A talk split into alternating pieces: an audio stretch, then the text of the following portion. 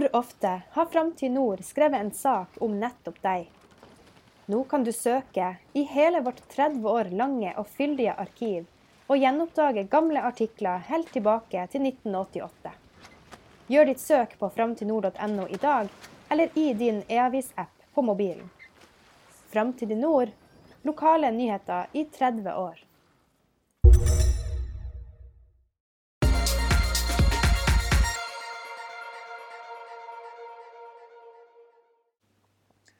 Riktig god fredag. Det her med å få komplimenter og det å gi komplimenter, det er ikke bestandig lett. Det vil si, det er ganske lett egentlig å gi kompliment. Det er bare ikke så helt enkelt å få bestandig. I morges sa kona mi da hun for på jobb at jeg, jeg var fin. Og jeg klarte å få fram et takk. Men jeg er forferdelig dårlig på å få kompliment. Det blir veldig fort sånn Ja, mm, du blir liksom litt sånn klein. Uh, jeg har hørt veldig mange som har sagt at vi må øve på å gi kompliment. Vi må være flinkere. Og særlig i et samfunn der vi er så opptatt av hvordan vi ser ut. Og være på Facebook og Snapchat og Instagram og se flott og lykkelig og fin ut. Men jeg tenker, når vi får et kompliment, så kanskje skal vi trene oss på å motta det. Med en større grad av eh, 'nei, men så hyggelig'. Og bære det med litt sånn stolthet, og ikke bli litt flau. Sjøl kjenner jeg ofte på at jeg kan bli litt flau når det kommer et kompliment. Når noen sier at 'ja, du var jo fin i dag'. Det er liksom, og så har man lett for å tenke 'ja, var ikke jeg fin i går'? Hva, hva var galt? Og da blir man liksom sånn en sånn merkelig mistanke, en sånn gryende uro som gror opp i oss. Og det er jo egentlig bare tøv.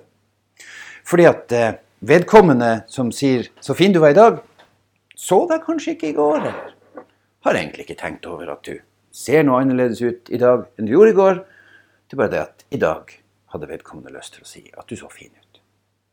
Kanskje det er det vi heller skal tenke på, enn å tenke alle de negative tankene vi har forferdelig lett for å tenke. Jeg tror at det er lurt. Jeg kom på det fordi at altså kona mi sa det da hun gikk på jobb. Hvor fin du er. Og jeg klarte forhåpentligvis å si takk. Jeg hadde en annen opplevelse her for en stund siden.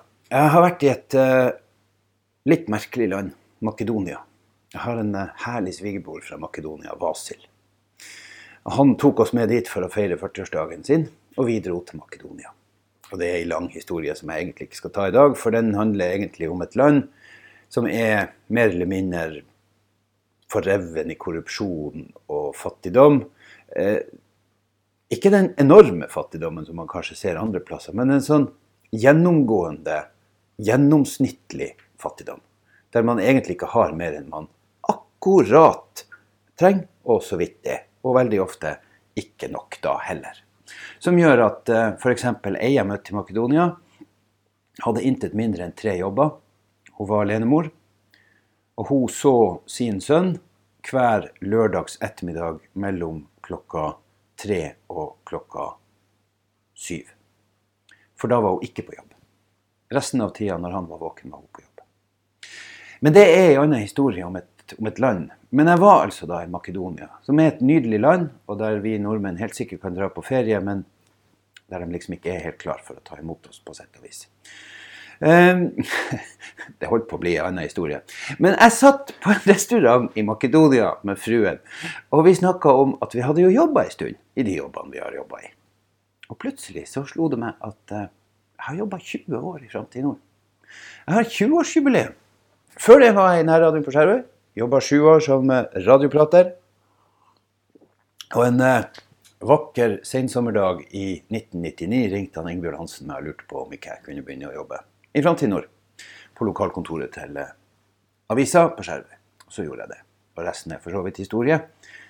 Uh, jobba på Skjervøy noen år, og så la vi ned kontoret her. Og så jobba jeg på Storslett og har egentlig pendla stort sett siden i 2004. Og det er for så vidt helt greit, så lenge de bare bygger ut veiene. Men det har vært, som han Steffen Dreyer sa det da han la opp her nettopp, det har vært litt av en reise. Jeg, jeg syns det begrepet er litt slitent, men uh, OK. Men det har det.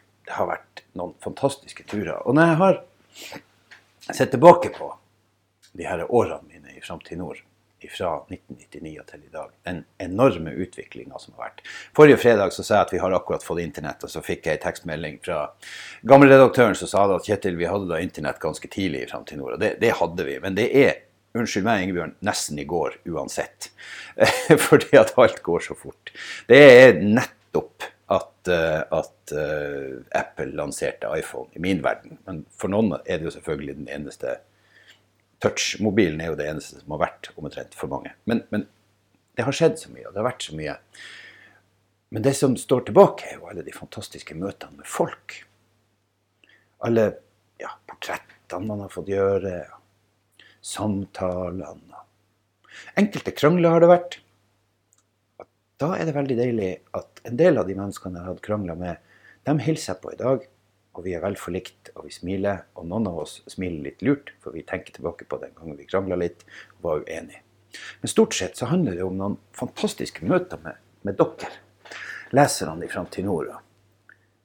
Det er en herlig ting med å være journalist. Det er at du får lov å møte så mye folk. Får lov å drikke masse kaffe, og får lov å prate masse med folk. Og så er det sånn at av og til så er det masse stress, og av og til så føler du at du bare sitter og skriver og skriver og skriver. Og skriver, og skriver, og skriver. Um, og jobben er som alle andre jobber tung, slitsom og kanskje til og med enkelte dager litt kjedelig. Men innimellom her så er det så mye gull. Og det er det som har gjort at jeg har vært i journalist i Ja, faktisk. Om to år har jeg vært journalist i 30 år. Jeg har vært i Framtid Nord i 20. Det er det som gjør det. Det er det som gjør at jeg fortsatt kjenner at det her er søkkende artig. Det er å få lov å være en del av de samfunnene som er rundt omkring. Å få lov å bidra og få lov å Ja. Til og med kanskje få lov å være en samfunnsbygger, på sett og vis. For jeg tenker at det er også en del av lokalavisa sin rolle. Det å være med å bygge samfunn.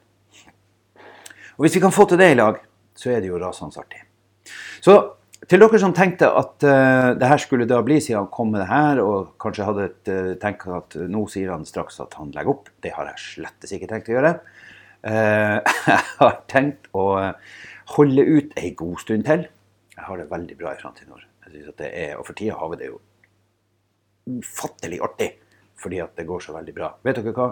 Strongman forrige helg, da satte vi rekord i hele Polaris-konsernet. Det er vel ingen publikasjoner. Vi er ganske mange mediehus i hele Polaris som vi er en del av. Og vi hadde bare på Strongman 124 salg.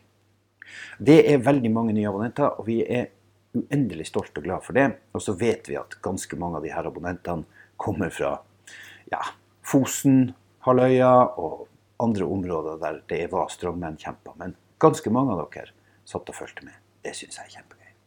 Og det er sånne boost som gjør at det her er fortsatt rasende artig. Nå skal jeg dra til eh, Storslett, og så skal jeg holde et foredrag på regional ungdomssamling.